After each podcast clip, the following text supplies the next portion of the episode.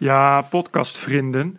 Ik belde vandaag met Ronald van Raak van de Socialistische Partij. Groot socialistenfan als ik altijd al ben, leek het me een mooi moment om hem te bellen omdat uh, we vandaag allemaal hebben kunnen lezen hoe de Bananenrepubliek Nederland nog meer Bananenrepubliek Nederland is. Omdat blijkt dat de inspectiedienst van het ministerie van Veiligheid en Justitie toch op aanwijzing van topambtenaren en misschien wel, zeker wel, heus wel de minister zaken in de doofpot en uh, onder het tapijt heeft geveegd. En nou weet ik dat Ronald van Raak eigenlijk net als Pieter Omtzigt een van die weinige Kamerleden is die zich echt woest en druk maakt over dat soort dingen.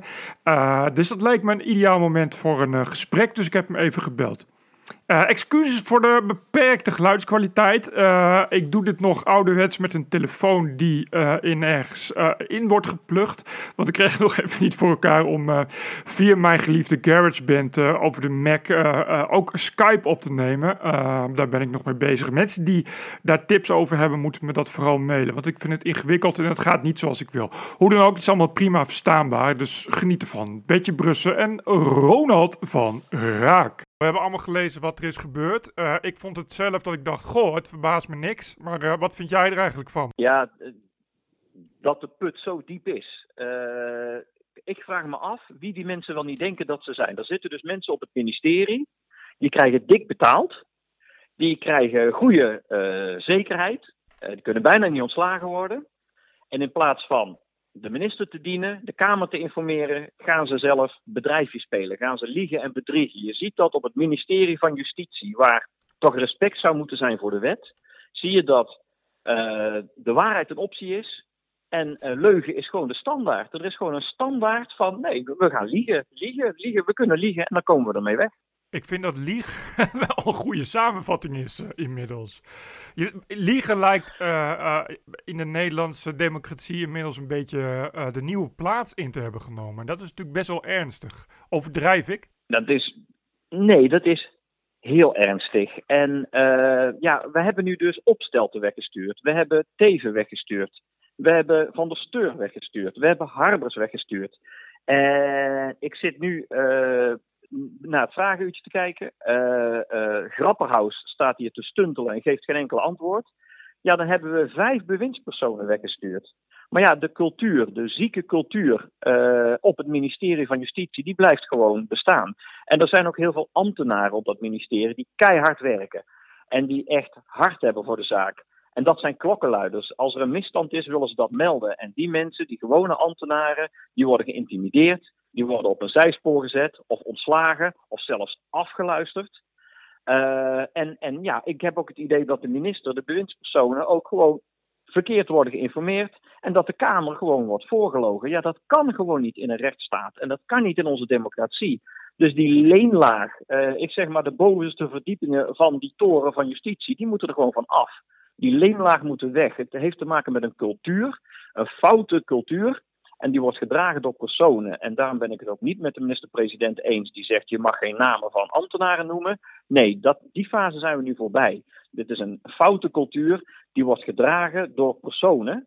Uh, en die moeten we benoemen. We moeten, we moeten echt die, die, die laag, die consultancy-laag, die, die, die, die op de ministeries, die moet verdwijnen. Ja, nou goed, de minister-president is ook nog eens keer van dezelfde partij als al die bewindspersonen die de afgelopen tijd al zijn ontslagen. Dat scheelt natuurlijk ook.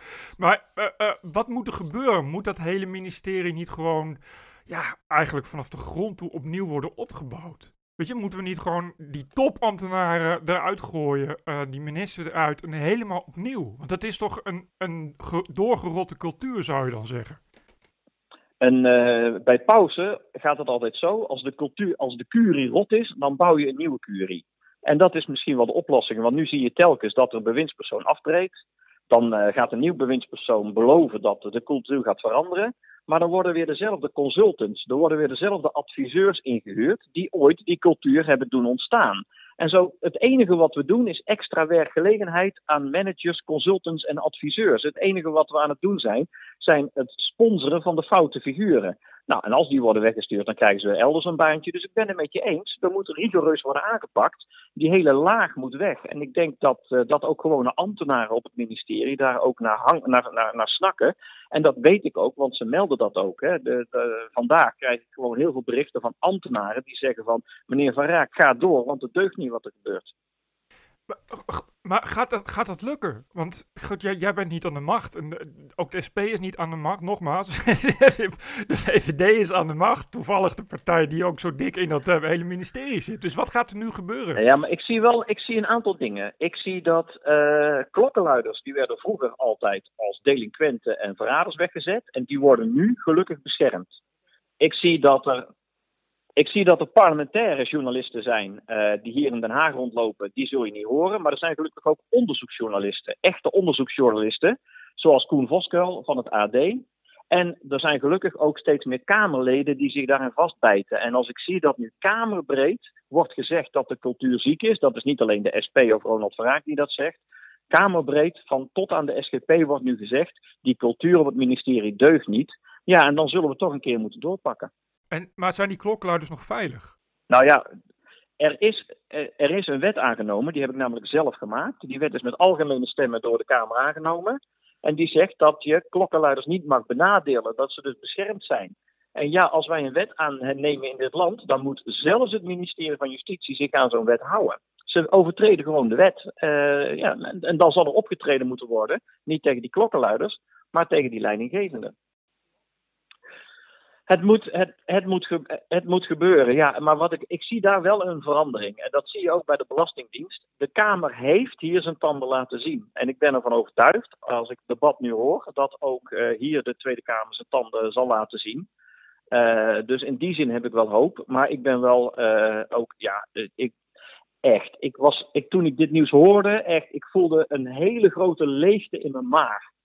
Al, het, is, het, het, is verschrikkelijk als je ziet wat er gebeurd is. En vooral ook omdat er op het ministerie niet wordt geleerd. Het enige wat die mensen doen is een straatje schoonvegen, de zaak in de doofpot en we gaan weer door. En het enige wat wij als Tweede Kamer, maar ook journalisten, ook jullie, ook klokkenluiders moeten doen, is zorgen dat ze daar niet meer mee wegkomen. Nou ja, maar goed, daar zit dan voor mij mijn frustratie. Want ik, ik heb van dan veel Kamerdebatten gezien dat ik denk van, weet je, het, blijft uh, een plassen glas en alles is weer zoals het was. Ja, en nu alleen weer dit. wat een... Het, je zegt het al zelf, dit is de zoveelste minister, dit is de zoveelste schandaal bij dit ministerie. Ik ben het met je eens. Wanneer, maar, ja, maar nee, wanneer gaat het, dan veranderen? Ik zit hier al sinds 2003. Sinds 2003 heb ik het zien gebeuren en wordt er eigenlijk niet ingegrepen. Maar ik zie wel een aantal veranderingen. En dat is namelijk dat de Tweede Kamer de kritiek niet meer van Ronald Verraak of van de SP alleen komt of van een paar partijen, maar kamerbreed is. En wat ook een grote verandering is dat we namen en rugnummers noemen. De, de, de ambtenaren die het doen, staan ook gewoon in de krant, uh, worden genoemd. En dat vind ik dus een winst. En mensen die zeggen dat mag niet, dat is ministeriële verantwoordelijkheid en ambtenaren kunnen zich niet verdedigen, die mensen ben ik het niet mee eens. Want die mensen maar, zorgen wel dat er misstanden zijn en die misstanden moeten worden aangepakt. En daarom vind ik het goed dat tegenwoordig uh, dit soort mensen ook gewoon met naam en toenaam worden genoemd. Ja, maar goed, vervolgens krijgen ze weer een nog duurder baantje ergens uh, als uh, commissaris van de koningin. Dat ben ik ook met je eens. En dan is het aan ons om dat te voorkomen. Om te zorgen dat ze niet in die carousel komen. En dat die carousel van baantjes ook ten einde komt. Ja, het, ik, ik ben het met je eens. Dat we, ik ben er al zelf al jaren mee bezig. Dus ik, ik ken de, ik, ik, de frustratie die je hebt, die heb ik misschien nog wel in het kwadraat. Uh, maar ik heb, wel, ik, ik heb wel hoop dat de Kamer gaat doorpakken. Uh, de Kamer moet doorpakken. Dat jij die hoop houdt. Dat, is, ik vind, dat vind ik zo knap in jou. Maar dat heb ik ook bij, bij iemand als bijvoorbeeld Pieter Omtzigt. Dat je dan denkt van...